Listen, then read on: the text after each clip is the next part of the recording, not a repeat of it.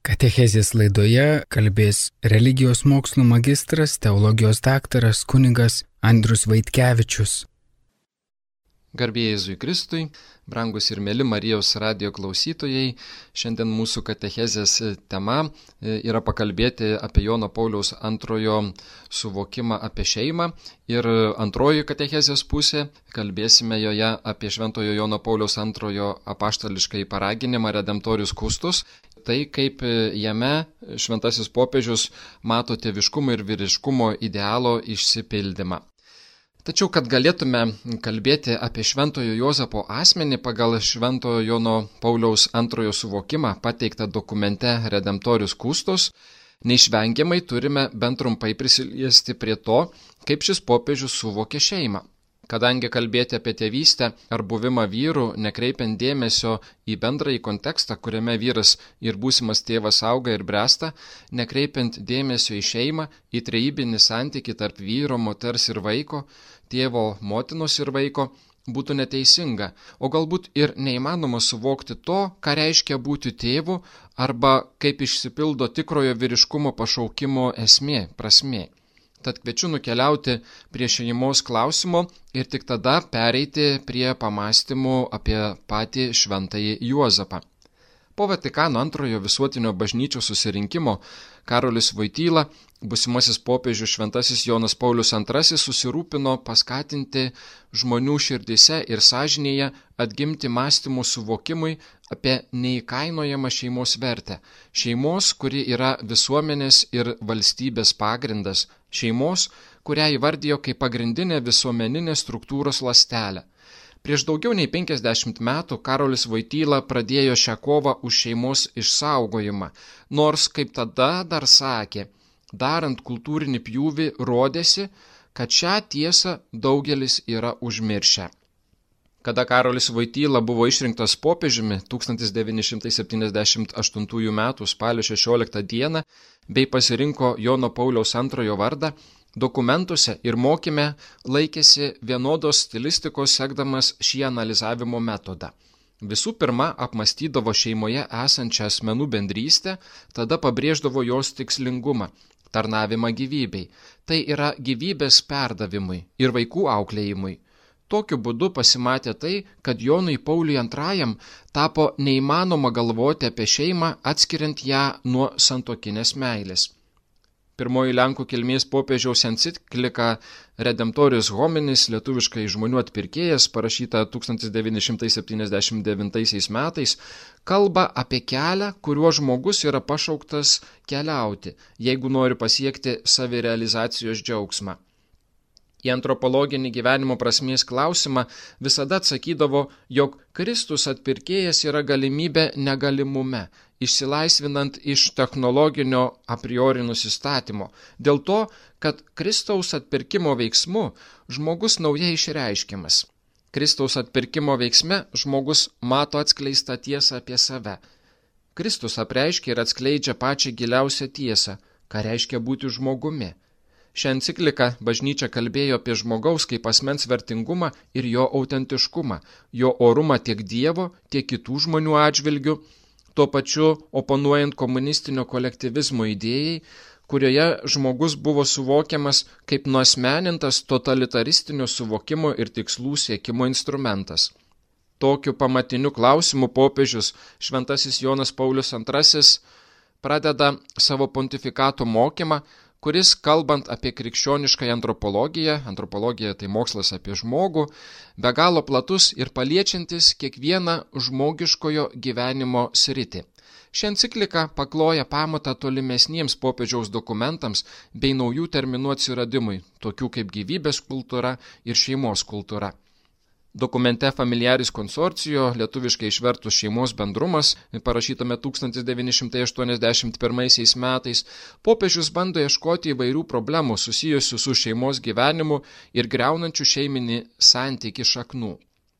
Kalba apie moters išnaudojimą, skirybas, nevaisingumą, kontracepciją, materializmą, abortus ir daugelį kitų problemų kalbėdamas apie žmogaus kilnumą ir orumą, masto apie įvairias tėvystės ir motinystės dimensijas, kurios nenuginčiamai yra gėris kiekvienam iš į pasaulį ateinančiam kūdikiai, o bet kokias kliūtis, trukdančias šiam susitikimui, įvardijo kaip asmeninės istorijos sužalojimą, kuris gali kelti problemų brestant kaip asmeniui.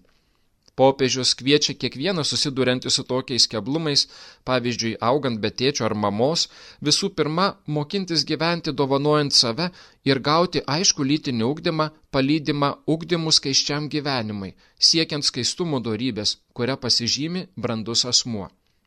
Motina ir tėvas, moteris ir vyras kviečiami tolygiai dalyvauti šeiminio santykio kūrime, įsipareigojimų prisijėmime, būties sutvarkime Taip pat jų prigimtinė pareiga suteikti savo vaikams dorinį ir religinį auklėjimą, palidėti vaikus į gyvenimą, neužmirštant ir dvasinės dimensijos.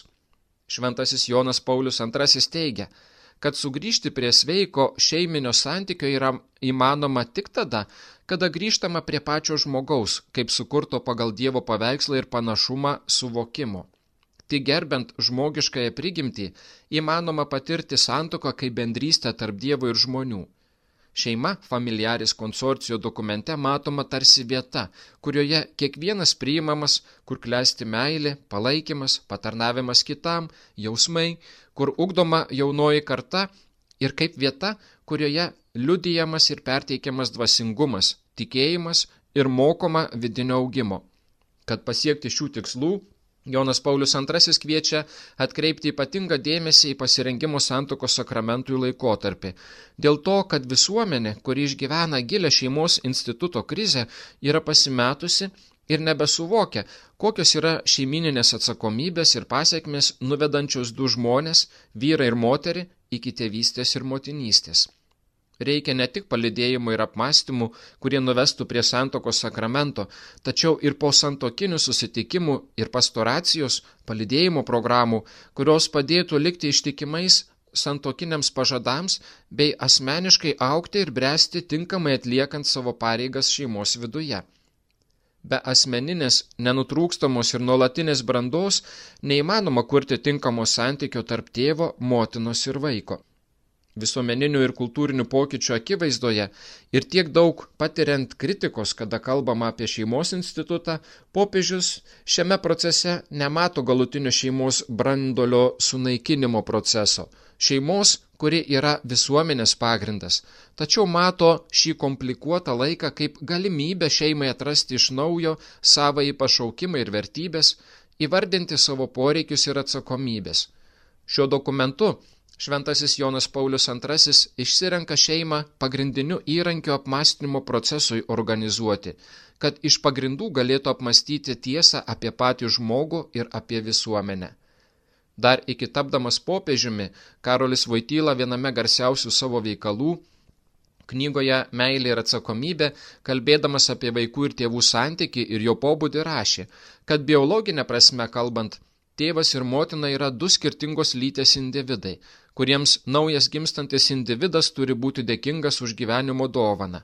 Tačiau dvasinė prasme tėvas ir motina yra idealai, į kuriuos žvelgdamas jis vystosi kaip asmuo ir ugdosi jų įtakojamas. Fizinė prasme atsiradęs biologinis ryšys nutrūksta gimimo momentu, o dvasinis, kildinantis asmenį, atveria nepriepiamai bendrystės patirčiai. Galime teikti, kad kalbant apie šiuos du aspektus - biologinė ir dvasinė tėvystė, jos suvokiamos visų pirma kaip viena kitą papildančios ir koegzistuojančios, kam prieštarautų genderistinės ideologijos atstovai, kurie sociologinė, kultūrinė prasme siekia atskirti šias dvi sritis, kylančias iš žmogaus prigimties. Jeigu šios dvi tikrovės atskiriamos, atsiveria terpė ir įvairioms problemoms, iššūkiai asmenybiniai brandai, sutrikimai. Kitas labai svarbus momentas, kalbant apie žmogaus suvokimą, tėvystės, motinystės ir šeiminio santykio apmąstymo suvokimą, yra Šventojo Jono Pauliaus antrojo katechezių ciklas, pristatytas ilgame laikotarpyje nuo 1979 iki 1984 metų viešųjų audencijų metu kuriuose išvystė novatorišką požiūrį įgavusi kūno teologijos pavadinimą. Šio mokymo cikle popiežius remiasi bibliniais ir antropologiniais pagrindais, analizuoja buvimo žmogumi klausimą, širdies ir kūno atpirkimo, krikščioniškos skaistumo, santokos ir prokreacijos klausimus ir daugelį kitų. Šios katechezės ir visa kūno teologijos mokslo šaka tai kvietimas atrasti aukščiausią pagarbą žmogiškai egzistencijai, žmogiškai būčiai ir kvietimas pažvelgti į žmogaus gyvenimą atsižvelgiant į prigimtinį principą, teologinę ir biblinę terminologiją kalbant taip, kaip Dievas sukūrė žmogų. Kūno teologijos išdavoje gimsta naujas dokumentas - instrukcija apie pagarbą žmogaus gyvybei - Donum Vyte, kuris e, išleistas 1987 metais, kalbantis apie dirbtinio vaisinimo klausimus, jų moralumą ir etiškumą. Kaip atskaitos taškas vertinimo kriterijui iškeliamas besąlygiškas gyvybės kilnumas bet kokioje jos raidos ar egzistavimo stadijoje.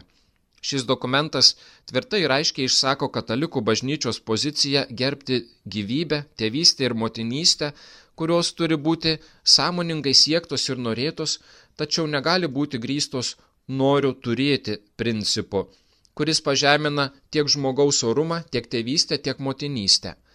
Dėl to, kad žmogus pradedamas laikyti filosofiškai kalbant nebe subjektu, o mano siekiu išsipildymo objektu jis sudaiktinamas. Taip panaikinama galimybė būti dovana kitam asmeniui ir to savęs dovanojimo realizavimo galimybė. Savęs dovanojimo principas teologijoje išsivysto ar suklesti draugė su Jono Paulius antrojo kūno teologijos mokslo šakos atsiradimu, kuriame tai yra pagrindinis konceptas paaiškinantis žmogiškosios būties ir egzistencijos prasme. Jeigu prisiminsime Senojo testamento pradžios knygos pasakojimą apie pasaulio sukūrimą ir žmogaus sukūrimą šeštąją dieną, jame randame raktinę frazę. Dievas sukūrė žmogų pagal savo paveikslą, pagal savo paveikslą sukūrė jį, vyrą ir moterį sukūrė juos. Mums svarbus šis pasakojimas apie tai, kas yra žmogus. Žmogus sukurtas pagal Dievo paveikslą ir panašumą. Turime šioje vietoje užduoti klausimą O kągi reiškia tas panašumas? Turime pažvelgti į paties Dievo esmę. Dievas yra tas, kuris iš meilės kuria visą pasaulį, visatą, žmogų. Meilė, tikra meilė pasižymi savęs dovanojimu. Žmogus, kaip kūrinys sukurtas pagal Dievo paveikslą ir panašumą, yra kviečiamas savo gyvenimu atspindėti tą nuolatinio savęs dovanojimo procesą, nes tai duoda galimybę jam pilnai realizuoti save ir jaustis laimingu, kol gyvena žemėje.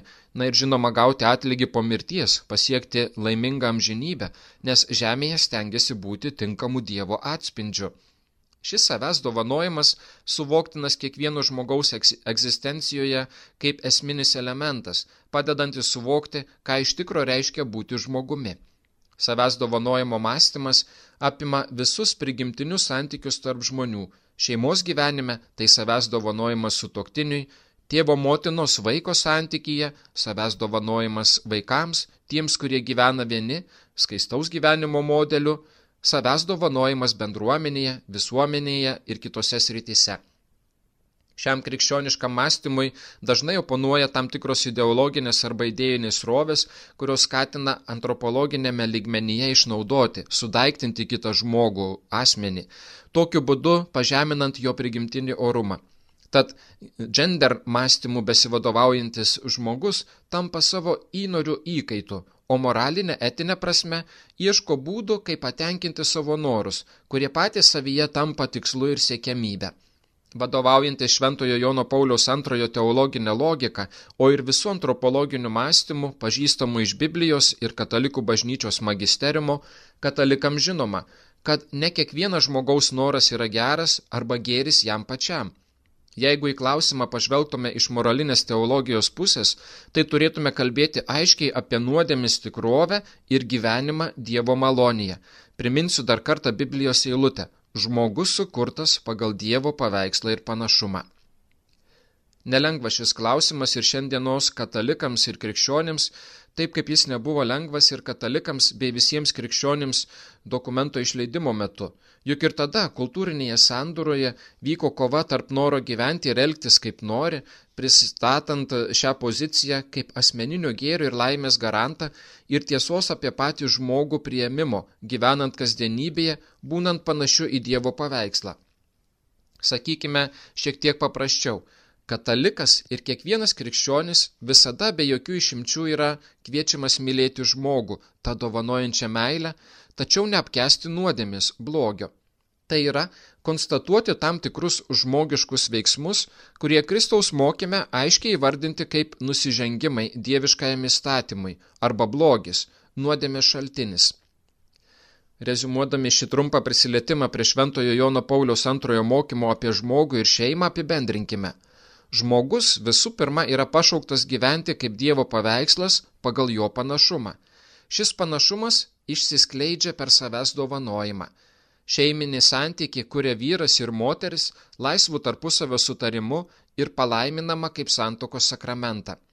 Savęs dovanojimas yra šeiminio gyvenimo pagrindas, duodantis jėgų priimti kitą taip, kaip Dievo paveikslą, duodantis jėgų mylėti kitą tikrą, neegoistinę meilę. Dar daugiau, Šventojo Jono Pauliaus antrojo suvokimu, šeimos gyvenimas yra paties Dievo, trejybėje vieno atspindys, kadangi Dievo esmė yra buvimas santykyje. O šeimos gyvenimas tai siekis būti santykyje ir būti kad ir netobulu, tačiau to dieviškojo santykio regimos išraiškos atspindžiu. Mėlyjei, ką tik aptarėme e, Šventojo Jono Pauliaus antrojo požiūrį į žmogų ir į šeimą, tai kas svarbu Šventajam Jonui Pauliui antrajam, kalbant apie šeimą, o dabar gilinkime į tai, kokį požiūrį į šventąjį Juozapą šventasis Jonas Paulius II pateikė apaštališkajame paraginime Redemptorius Kustus atpirkėjų saugotojas į lietuvių kalbą išvertus ir kaip šiame oficialaus bažnyčios magisterimo, magisterimas tai yra bažnyčios mokymas, nubrėžintis aiškės gairės kiekvienam katalikui, kaip šiame magisterimo dokumente koreliuoja šeiminio gyvenimo tiesos, savęs dovanojimo principas išdėstyti ankstesnėme Šventojo Jono Pauliaus antrojo mokyme apie šeimą.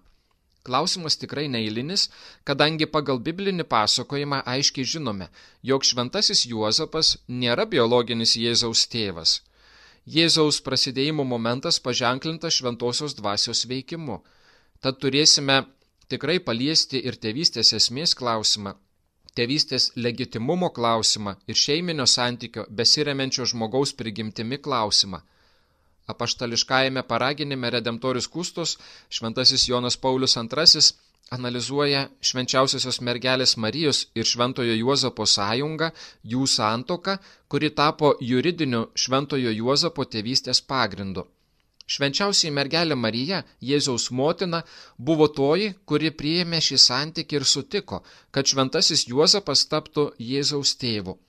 Tarpininkaujant motinai ir vaikui realizuojasi galimybė būti tėvu. Popiežius kviečia visas šeimas lygiuotis į šventąją šeimą, į kurią žvelgdami galime išmokti gilios prasmės to, ką reiškia būti šeima, būti tėvu. Šventai Juozapą Dievas pašaukė tarnauti Jėzui ir jo misijai savo tėvyste. Būtent taip laikų pilnatvėje jis bendradarbiavo didžiojoje atpirkimo paslaptyje ir iš tikrųjų buvo išganimo tarnas. Jo tėvystė konkrečiai pasireiškė tuo, kad jis savo gyvenimą pavertė tarnavimu, auka įsikūnijimo paslapčiai ir su jie susijusiai atperkamai misijai, naudojusi juridinę galę šventojoje šeimoje tam, kad visiškai atiduotų jai save, savo gyvenimą, savo darbą, kad savo žmogišką pašaukimą namų meiliai paverstų ant žmogiškų savęs, savo širdies ir kiekvienos galios paukojimu su meile tarnaudamas Mesijui gimusiam jo namuose. Šventasis Juozapas pristatomas kaip tėvystės modelis, idealas, šeimos saugotojas, aprūpintojas, Jėzaus gimimo pilnoje šeimoje užtikrintojas, tiek mastant žmogiškojo suvokimo kategorijos ribose, tiek mastant apie dieviškojo veikimo terpę šventosios šeimos gyvenime. Apipjaustimo metu šventasis Juozapas suteikia savo vaikui vardą Jėzus. Duodamas vardą, Juozapas patvirtina savo tėvystės teisėtumą ir ištardamas šį vardą paskelbė išganytojo misiją. Šia prasme išpildomas tas psichologinis dėsnis, koncepcija, pagal kurį duoti vardą tokia teisė iš psichologinio mechanizmo pareiga priklauso tėvui, tėvams. Vaikas turi būti pripažintas tėvo, kuris kreipia jo mintis į ateitį, į gyvenimą, nes šiuo pripažinimo veiksmu tam tikrą prasme programuoja tai, kas dar ateityje turi nutikti, arba kur link ateityje turi eiti ką tik gimęs žmogus. Vienu sakiniu koncentruotai pasakant, prasideda savojo identiteto ir susitapatinimo, savojo aš atradimas dermėje su savo kūnu, su savo litiškumo dovana, su savo buvimu vyrų, moterimi, remiantis prigimtinių įstatymų procesas. Peržvelkime ir aptarkime papunkčiui patį dokumentą. Bandykime prisiliesti prie esminių jame pateikiamų momentų, kalbančių apie Šventojo Juozapo ir Šventosios šeimos būvį. Šventasis Jonas Paulius II kviečia šiam apmąstymui prisimindamas šimtasias kitos svarbaus dokumento Kvam Kvampliurijas metinės ir vėl jaučia aktualumą tuometiniai bažnyčiai kalbėti apie jos globėją ir apie tai, kad Dievas pavedė jam saugoti savo pačius brangiausius turtus, turima omenyje šventąją šeimą. Viltis, kuri lydi popiežių išleidžiant šį dokumentą, ta, kad pati bažnyčia, o kartu ir kiekvienas jos narys, žvelgdami į Švento Juozapo asmenį, atras savo vietą atpirkimo plane, savo gyvenimo kelionėje Kelionėje, kurios centre, tai yra krikščionių gyvenime, yra pati Dievo įsikūnijimo, tapimo žmogumi paslaptis, o šioje paslaptyje tobuliau už šventąjį Juozapą dalyvavo tik Dievo motina, švenčiausiai mergelė Marija.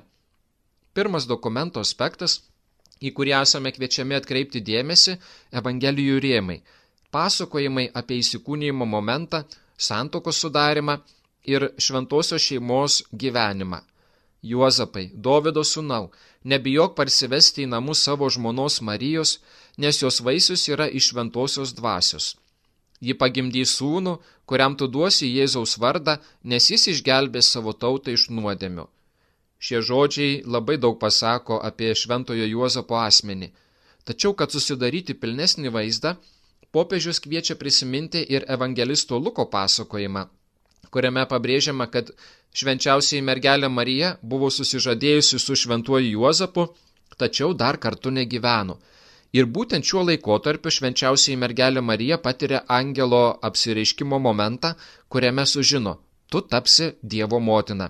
Nebijok, radai malonę pas Dievą. Tai mums liudijimas, kad švenčiausiai mergelė Marija išliks mergelė, nors jau yra įžengusi į šeimos, tai yra santokos sukūrimo kelią. Abiejų evangelistų tekstai sutampa ir padeda aiškiau suvokti tai, ką skaitome. Veikiant šventai dvasiai, kada švenčiausiai mergelė Marija jau buvo tapusi šventojo Juozapo sužadėtinė, švenčiausiai mergelė Marija ištaria taip Dievo planui ir tampa niščia. Toliau seka pasakojimas apie šventąjį Juozapą, kuris, sužinojęs apie sužadėtinės neštumą ir būdamas teisus vyras, sumano ją tylomis atleisti – tačiau per sapną patiria viešpaties angelo prieiškimą, drąsinantį nebijoti parsivesti sužadėtinę į savo namus ir žengti į santokinį gyvenimą. Angelas įveda šventąjį Juozapą į motinystės paslapti, o ta, kuri pagal įstatymą yra jo žmona, pasilikdama mergelė, taps motina šventosios dvasios gale.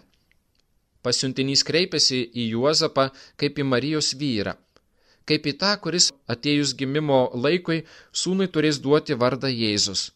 Tai aiškus Marijos sūnaus žemiškųjų tėvo pareigų pavedimo momentas. Kaip apreiškime buvo šventajam Juozapui įsakyta, taip jis ir padarė. Parsivedė švenčiausiai mergelę Mariją savo sužadėtinę namo ir pradėjo gyvenimo šeimoje kelionę. Susilaukė sūnaus, davė jam vardą.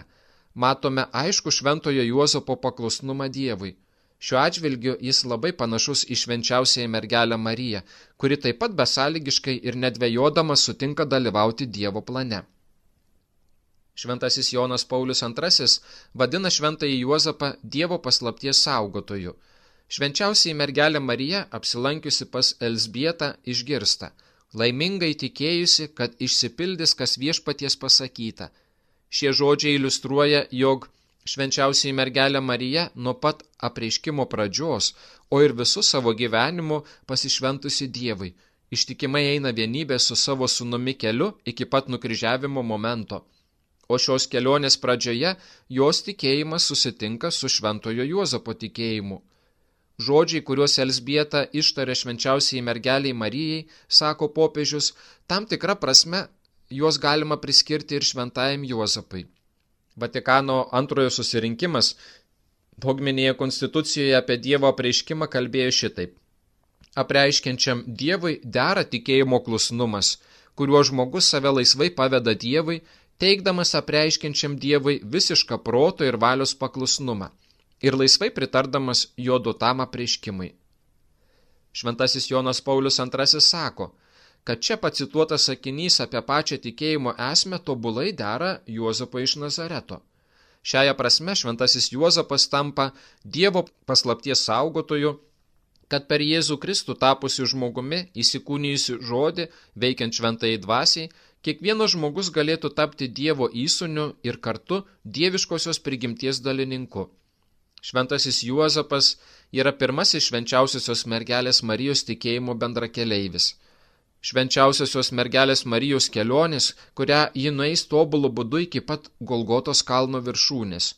Būtent todėl šventojo Juozapo vardas įrašytas Romos mišiolė aukščiau už visų kitų šventųjų, nes jis tobuliausių būdu po švenčiausiosios mergelės Marijos priartėjo prie šių dieviškųjų slėpinių ir paklusniai bei nuolankiai atsiliepė į Dievo planą. Apaštališkasis paraginimas mums primena, jog juridinis Juozapo tėvystės pagrindas yra santoka su Marija. Tokiu būdu įgaunamas pats artimiausias įmanomas santykis tarp tėvo ir vaiko - santykis su Jėzumi.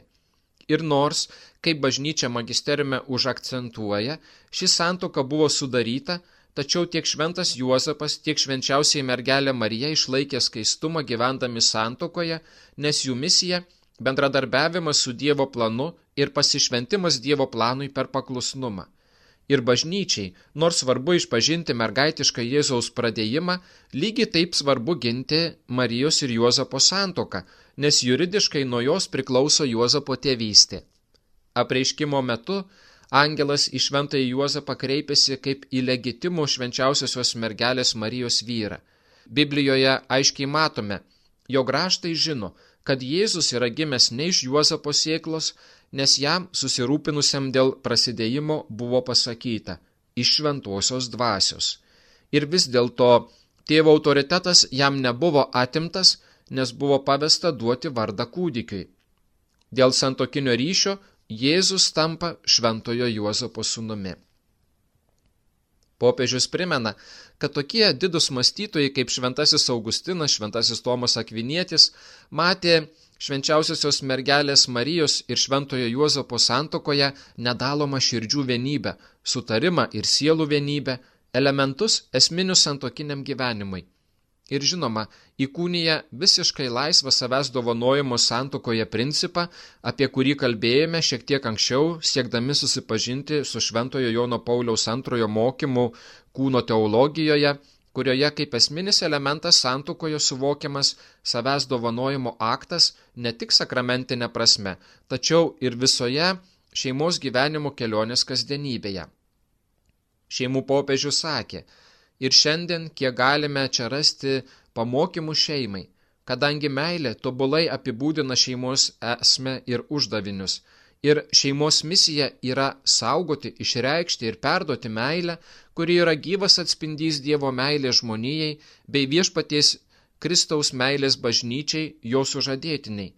Visos krikščioniškos šeimos privalo sekti tą šventąją šeimą, pirmykštę namų bažnyčią. Pagal stebuklingą Dievo planą šioje šeimoje ilgus metus gyveno nežinomas Dievo sūnus, taigi jie yra visų krikščioniškų šeimų modelis ir pavyzdys. Kaip popiežius Leonas XIII buvo sakęs, šventajam Juozapui patikėta šeimos globojimo misija ir kartu Jėzaus auklėjimas, tėvų gerbimo pamokos, amato mokymas ir daugelis kitų dalykų. Šventasis Juozapas, kaip Jėzaus tėvas, gavęs tokią nuostabę tėvystės dovaną, mylėjo Jėzų, o kas svarbiausia ir savo asmeninio gyvenimo pavyzdžių, mokė eiti prie Dievo ir padėjo suvokti, kad dangiškasis tėvas yra tas, prie kurio visi eina ir kuris turi tobulos tėvystės vardą danguje. Šventajam Juozapui buvo patikėtas taip vadinamas slaptas Jėzaus gyvenimas iki jo viešosios veiklos pradžios. Kitas svarbus elementas - gyventojų surašymas, kurio metu į imperijos žmonių sąrašą oficialiai įrašė Jėzaus Juozapo iš Nazareto sunaus vardą. Popiežius cituoja Origeną, kalbėdamas apie šio veiksmo teologinę prasme. Taigi, su visais įregistruotas, visus galėjo pašventinti, su visa žemė įrašytas į sąrašą, žemė paukojo savo bendrystę ir po šio aprašymo visus žemės gyventojus įrašė į gyvųjų knygą, kad tie, kurie jį įtikėjo, vėliau būtų įrašyti danguje su šventaisiais. Dar vienas biblinis įvykis - Jėzaus gimimas Betliejoje, kurio privilegijuotų liudytojų šventasis Juozapas tapo – Sekanti pareiga, kuri laukia šventojo Juozapo - apipjaustimas, pirmoji religinė tėvo pareiga. Apipjaustimas regimas Dievo sandoros sudarytos su Abromu ženklas. Ženklas, kuris išreiškia Dievo pažadų išsipildymą Jėzaus asmenyje. Apipjaustimo metu šventasis Juozapas suteikia savo sūnui vardą - Jėzus. Tokiu veiksmu patvirtina savo tėvystę ir patvirtina Jėzaus misiją Duoti vardą, priminsiu, psichologijos moksluose reiškia turėti iš tavo prigimtinių teisių plaukiančią kylančią galę, kuri natūraliu būdu priklauso tėvui ir motinai. Toliau seka Jėzaus pirmagimio paukojimas šventykloje, taip pat tėvo religinė pareiga. O visų šių apieigų metu tiek šventasis Juozapas, tiek švenčiausiai mergelė Marija stebėjusi tuo, kas buvo apie kūdikį kalbama. Po Jėzaus gimimo ir surašymo vėl sapne šventajam Juozapui pasirodo viešpaties angelas ir liepia saugant šeimą bėgti į Egiptą. Juk atvykus išminčiams iš rytų, Erodas liepia išžudyti visus naujagimius, tikėdamasis, kad tarp jų bus ir busimasis žydų karalius. Taigi Jėzus iš Betlėjaus į Nazaretą grįžo per Egiptą. Kaip Izraelis išėjo iš vergovės, kad pradėtų senąją sandorą, taip Juozapas – Dievo apvaizdos paslapties saugotojas ir bendradarbis tremtyje saugojo tą, kuris įkūnis naująją sandorą. Kai Jėzui buvo 12 metų, jis lieka šventykloje. Kada po paros laiko susirūpinę tėvai jį atranda tarp rašto žinovų besikalbantį ir bediskutuojantį klausia, vaikeli, kodėl mums šitai padarėjai? Argi nežinojote, jog turiu būti savo tėvo reikaluose? atsako, Šį atsakymą be abejo girdėjo ir šventasis Juozapas ir šis atsakas, sako popiežius, turėjo atnaujinti jame tą suvokimą, kurį buvo apreiškimo metu girdėjęs prieš 12 metų, prieš gimstant Jėzui. Juozapai, nebijok parsivesti į namus savo žmonos Marijos, nes jos vaisius yra iš šventosios dvasios.